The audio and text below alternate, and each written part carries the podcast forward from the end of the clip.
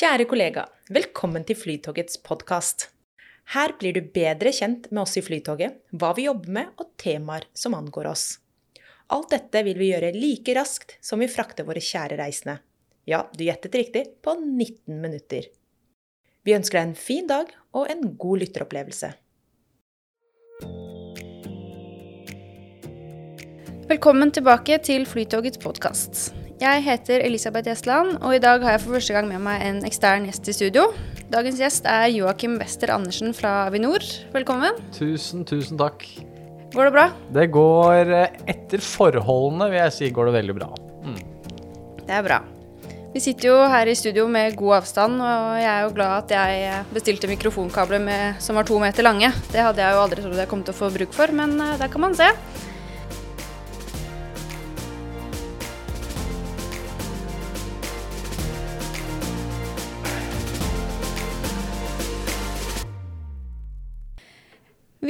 Er jo på sett og vis i samme båt, vi i Flytoget og dere i Avinor. Vi er avhengig av flyreisende.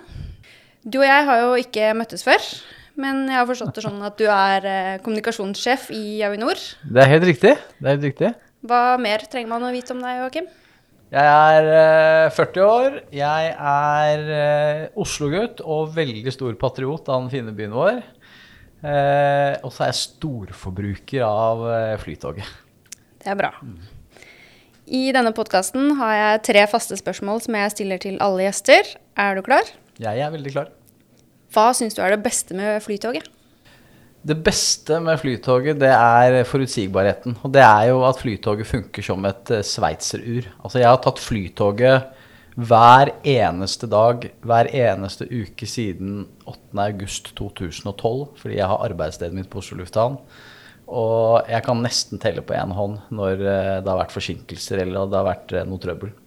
Og som oftest så er det ikke deres egen feil. Eh, og det som er veldig fint, er at, som man legger veldig merke til i et land som Norge, det er at dere i Flytoget dere trener på god service. Det merker man, fordi alle de vertene som jobber om bord i Flytoget, de søker blikkontakt. De er på, og det er veldig deilig å se. Og eh, de er veldig, veldig hyggelige. Og så er det veldig artig med disse meldingene som kommer ut over, eh, over anlegget når, før du kommer til OSL eller før du kommer til, eh, til Oslo S. Noen ganger så har dere har noen flytogverter som har laget veldig sånne personifiserte, ofte med dialekt. Og det er det veldig mange som humrer mye over. Det er bra. Det er bra. Og det bringer meg over til neste spørsmål. Når opplevde du sist god service? Altså, God service det kan både være noe flytogvertene deres gjør, eller så kan det bare være det at alt fungerer og du føler at alt er bra. Så jeg vil si at på det siste så føler jeg at eh, ting fungerer veldig bra, og det er derfor jeg velger Flytoget. De gangene jeg opplever ekstraservice, noe av det som gjør at jeg tror folk eh, liker Flytoget skikkelig godt, det var da en av de hyggelige vertene deres kom på en glovarm sommerdag og ga meg en flaske med Imsdal. Altså Det kom helt ut av det blå, og det kom på alle passasjerene. Da hun hadde forlatt toget, da, eller den kupeen vi satt i, så sa alle bare sånn Ja, dette var ganske kult gjort. Og det, det håper jeg dere fortsetter med. Det blir man stolt av å høre. Og hvor gikk din siste reise? Min siste reise, den gikk til Tyskland. Det gjorde den. Og det er alt, alt, altfor lenge siden. Eh, Jeg håper jeg snart kan eh, reise igjen, men noen ferieplaner eller noen utenlandsturer nå, det er dessverre ganske langt unna. Mm. Det føles eh, ganske fjernt, da.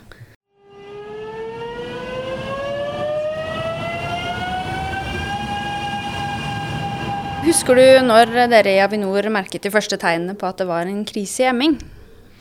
Jeg tror den første hendelsen eh, som jeg husker veldig godt, det var fordi jeg også hadde vakttelefonen da, altså en pressevakttelefon som vi har 24 timer.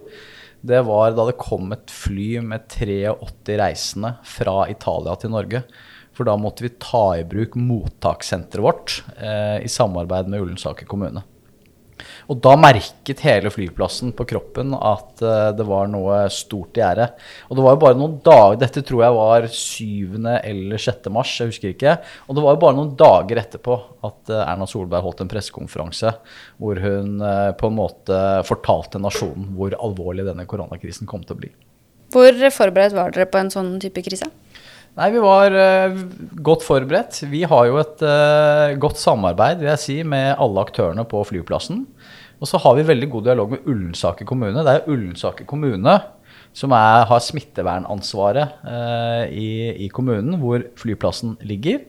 Og god dialog med dem. Men det er jo klart at det mest krevende med denne situasjonen, denne krisen, det er jo omfanget av det. Altså den samtidigheten av spørsmål. altså du har jo Pressen er jo én ting, men så har du alle aktørene. Og så har du samhandlingen med f.eks. dere i Flytoget og Vy og Nettbuss. Det er jo en bråte med aktører. Og det var jo veldig utfordrende. Men eh, sett i ettertid så vil jeg vel si at det har blitt løst ganske bra, altså. Med god hjelp fra dere, selvfølgelig. Mm. Hvordan har det vært eh, for de ansatte hos dere å ta imot de som kommer hjem fra utlandet de ukene her? Nå kan ikke jeg snakke på vegne av absolutt alle ansatte, men de tilbakemeldingene vi har fått, er eh, Mange syns det har vært krevende. Fordi eh, noen har vært redd for, for dette med smittesituasjonen. Men jeg vil også si at det er mange som opplever veldig stolthet med det å jobbe på flyplass det å være en del av en flyplassfamilie, det å føle at man er en del av et samfunnsansvar som er veldig viktig. Det at man har en jobb som er betydningsfull, det gir deg liksom god grunn til å stå opp om morgenen. Det tror jeg har vært veldig viktig for veldig mange. Vi har aldri, vi har aldri følt at noen har veket fra oppgaver. Eh, I hvert fall ikke de rundt oss i Avinor. Det har vært helt motsatt. Har, hva er det jeg kan gjøre? Hva kan jeg hjelpe til med nå? Og det å, å, føle litt på den kulturen, og det at man har den kulturen, det tror jeg ikke bare gjelder i Avinor. For det føler vi gjelder for alle som jobber på OSL. Eh, og den flyplassfamiliefølelsen man får i en krise sånn som dette her, eh, den har jeg blitt skikkelig stolt av. Mm. Har dere satt inn noe ekstra tiltak eh, på flyplassen utover det vanlige med avstand og håndsprit og de tingene der? Ja, det har vi gjort. Altså, vi har gjort altså, jeg vil si, først si, Det viktigste er jo å følge helsemyndighetenes råd. Det tror jeg har vært viktig for Avinor. Og det har vært viktig for Flytoget. Og det har vært viktig at ikke alle aktører, eh, statlige eller ikke-statlige, lager sine egne regler basert på hva man selv tror, men at man har, en, eh, man har en tillit til at staten faktisk hjelper deg med dette. Det gjør vi også. Um, og så har vi økt frekvensen på renhold på særlig utsatte steder. Uh, det kan være seg i sikkerhetskontrollen eller andre steder hvor vi vet det er mye mennesker. Eh, hvis du tar hele reiseverdikjeden fra du går hjemmefra til du lander i en flyplass et annet sted, så kommer du til å eh, gå innom Flytoget. Når du er ferdig hos Flytoget, så kommer du opp hos oss, og så skal du inn i et fly. Så det at man faktisk har smittevernstiltak som alle er enig i, og alle aktørene følger, det tror jeg blir kjempeviktig fremover. Mm.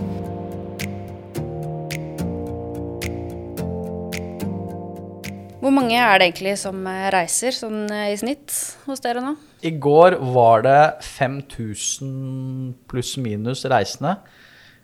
Eh, det skulle vært 80 85 000 reisende, så det setter jo litt i perspektiv. Mm. Men heldigvis så er det jo en del annen aktivitet i luften. Altså du har eh, postfly, du har ambulansefly. Du har stor aktivitet når det gjelder frakt og fraktmaskiner som kommer inn til Norge med nødvendig cargo, og som reiser ut av Norge med norsk sjømat. Så der er det aktivitet. Men på passasjerene alt, altfor få. Mm. Mm. Og hvem er de egentlig, de som eh, er ute og reiser nå? Jeg vet ikke helt uh, altså, hvem de er, uh, målgruppene. Men det vi kan anta, det er at det er veldig, veldig, veldig lite turister. De som reiser, det er de som må reise. Så det er jo type kanskje sesongarbeidere, det er folk, helsearbeidere og, og, den type folk. Folk som er nødt til å reise fra AtB. Studenter, kanskje.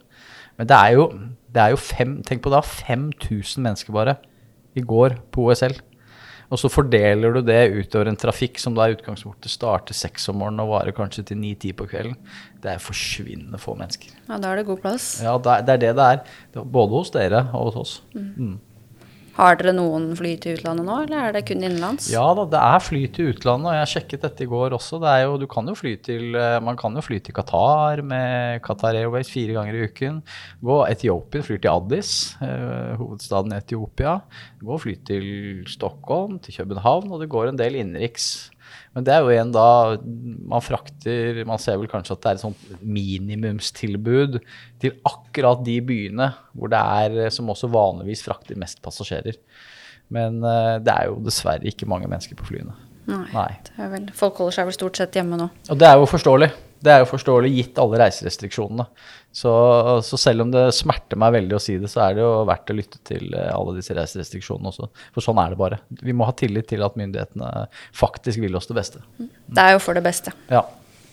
Syns du at eh, folk flest er flinke da, til å ta de forholdsreglene de, de må? Jeg syns det er overraskende bra, og det mener jeg virkelig. Jeg ser overalt hvor jeg går. Som sagt, jeg tar T-banen hver dag, og folk har så stor respekt for hverandre. Og de, hvis man ser at man eh, ikke skal sette seg i nærheten av noen, så, så, er det det folk gjør. De holder avstand. De står heller i disse avlukkene på T-banevognene istedenfor å sette seg tett inntil hverandre. Jeg ser det på flyplassen. Ansatte er kjempeflinke også til å, til å, til å holde avstand. Så blir det spennende. Jeg må jo innrømme det. Det er i dag, eh, denne uken her, så skal jo Oslo åpne ølkranen igjen. Det blir spennende å se hvordan det kommer til å gå. Men jeg vil si alt i alt så har samfunnet i Norge syns jeg hadde vært gått kjempebra. Altså. Helt enig.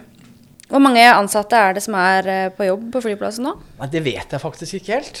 Fordi det er, eh, Hvis vi sier at på en vanlig dag så er det 15 mm, 000 mennesker som har stedlig ansettelse på Oslo lufthavn.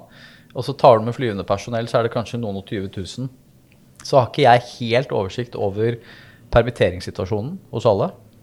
Men det jeg kan fortelle, er at uh, hvis man går inn i terminalen nå gjennom sikkerhetskontrollen og bare går inn i terminalen eller i avgangshallen, så får man en følelse og en opplevelse du aldri, aldri har fått før, og som jeg aldri håper vi kommer til å ha igjen.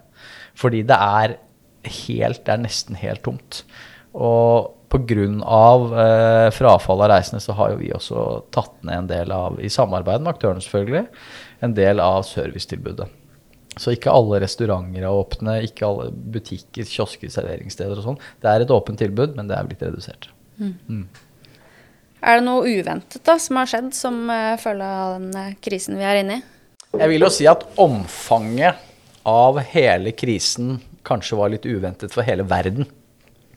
Og det, det den, Som jeg nevnte tidligere, så er jo da den, den samtidigheten som skjer i en sånn krise med eh, alt det eksterne trykket som kommer, med alle telefonene fra pressen, med alle spørsmålene som kommer fra alle aktørene, fra Flytoget, fra Vy, fra eh, de som driver med parkering, til serveringssteder, alt sammen.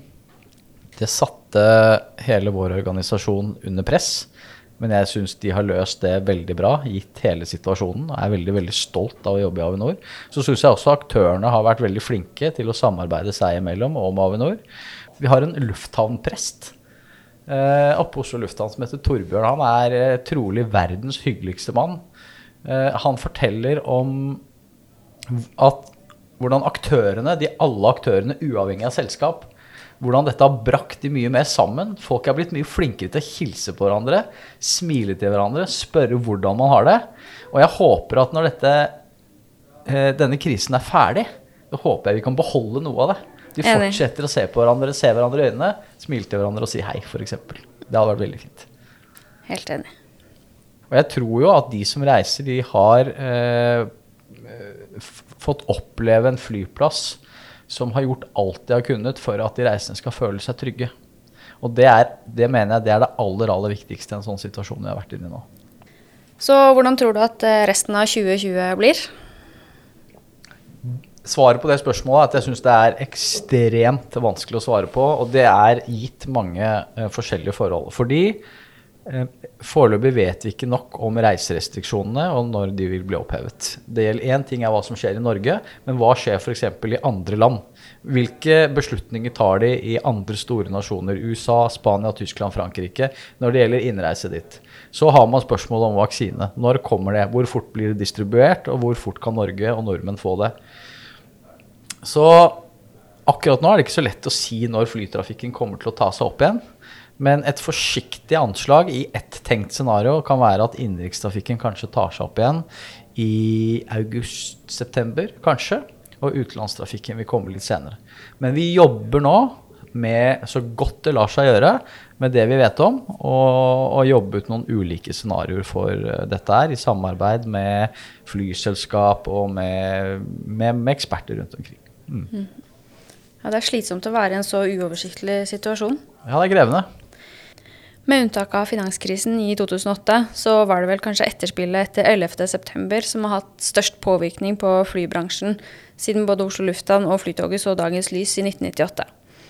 Etter det så ble jo bl.a. sikkerhetskontrollene mye strengere på flyplassene rundt om i verden. Så hvordan tror du koronakrisen kommer til å påvirke måten vi reiser på i fremtiden? Ja, Det er et ekstremt godt spørsmål. Spørsmålene jeg har sett mange har stilt seg, er, er vil f.eks. teknologi spille en rolle i reisemønsteret? Vil det være sånn at uh, fordi uh, hele nasjonen har fått et uh, lynkurs i Teams eller andre samhandlingsverktøy, vil man da reise den ene jobbturen mindre til Stockholm og heller ta det møtet på Teams eller ei? Det vet jeg jo ikke. Men det er jo en interessant tanke. Um, og hvordan reisemønsteret ellers vil, uh, vil, forandre seg, det, jeg syns det er veldig vanskelig uh, å svare på. Etter, uh, etter svineinfluensaen så tok jo trafikken seg opp ganske raskt. Og etter andre typer kriser man har hatt i luftfarten, si f.eks. askeskyen også, så tok jo luftfarten seg opp veldig fort. Så vanene kom tilbake. Men det som er med denne koronakrisen, det er at den ligner ikke på noe av det vi har hatt tidligere. For den er så altovergripende for hele det globale verdenssamfunnet. Så eh, jeg vet ikke om man kan trekke noen paralleller til det som har vært tidligere. Så eh, vi får bare vente og se. Du, Før vi gikk i studio for å lage denne episoden, så har jeg spurt eh, på intranett om det er noen som har et spørsmål til Avinor. Mm. Og en ting flere lurer på, det er hvordan det går med den tredje rullebanen. Mm. Er jo, nå er vi midt i denne covid-krisen enda, og vi har jo ikke jobbet ut noen nye scenarioer når det gjelder den tredje rullebanen, for vi vet ikke hvordan trafikkprognosene er. Vi vet ikke hvordan trafikkscenarioene er heller. Det som er prosessen nå, er jo at vi har oppdatert et kunnskapsgrunnlag for hvilke alternativer, altså på hvilken side av, uh, av, flyplassen, øst eller vest, så uh, en eventuell tredje rullebane skal ligge. Så kunnskapsgrunnlaget for den nei, for det vestre alternativet, det har nå blitt oppdatert og skal sendes til Samferdselsdepartementet, og så skal det behandles der. Så der ligger på en måte den politiske prosessen. Så får man heller komme tilbake til det senere, når, uh, når man har noe mer tydelig på, på trafikkprognoser eller trafikkscenarioer. Mm. Mm. Du får komme tilbake og snakke mer om det. Det gjør jeg gjerne. Vi nærmer oss slutten av podkasten, men før det så er det en siste ting jeg gjerne vil spørre om. For internt i Flytoget så har vi en spalte for tilbakemeldinger der vi oppfordrer alle til å skryte av en kollega. Du kjenner jo ikke alle oss i Flytoget personlig, men du har kanskje en episode med Flytoget du kan fortelle om likevel? Jeg syns egentlig at jeg har fortalt om det. Det er eh, Jeg vil si at jeg vil ikke trekke frem én kollega hos dere. Jeg vil ikke trekke frem eh, en person eller en opplevelse. Jeg vil trekke frem at jeg genuint tror på eh, at dere har en kultur i Flytoget som er annerledes enn i mange andre selskaper. For du merker en service når du kommer om bord som er veldig bra. Du, det er en forutsigbarhet for meg som reisende som er fantastisk. Dette med sikker og stabil drift det er enormt viktig for dere. Det er jeg helt sikker på. Det er enormt viktig for oss. Punktlighet er enormt viktig for Oslo lufthavn. Det er det ikke noen tvil om at det er viktig for dere i Flytoget. Den kulturen der, der er dere helt suverene. Så hvis jeg skal trekke frem noe, så blir det det. Da må jeg bare si takk da, på vegne av alle. Mm. Joakim, tusen takk for at du ville være gjest i podkasten og fortelle om eh, hvordan dere har det på Oslo lufthavn for tiden. Det har vært eh, veldig interessant, og for egen del ikke minst veldig hyggelig å møte noen andre enn de jeg møter hver dag, eller den jeg møter hver dag. Så hvis du som hører på har forslag til et tema vi burde ta opp i podkasten, eller hvis du har noen andre tilbakemeldinger, så blir jeg veldig glad for å høre fra deg. Så Ring meg gjerne for å slå av en prat på Teams, eller send en e-post til eg at flytoget.no.